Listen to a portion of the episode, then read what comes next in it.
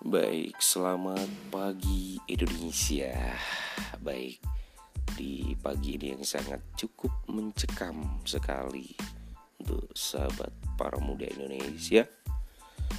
Oke, dan masih dalam nuansa pandemi dan kita harus tetap aktivitas seperti biasa uh, dari rumah masing-masing dan akhirnya tercipta uh, kreativitas kreativitas tersendiri buat para sahabat dan juga para muda Indonesia.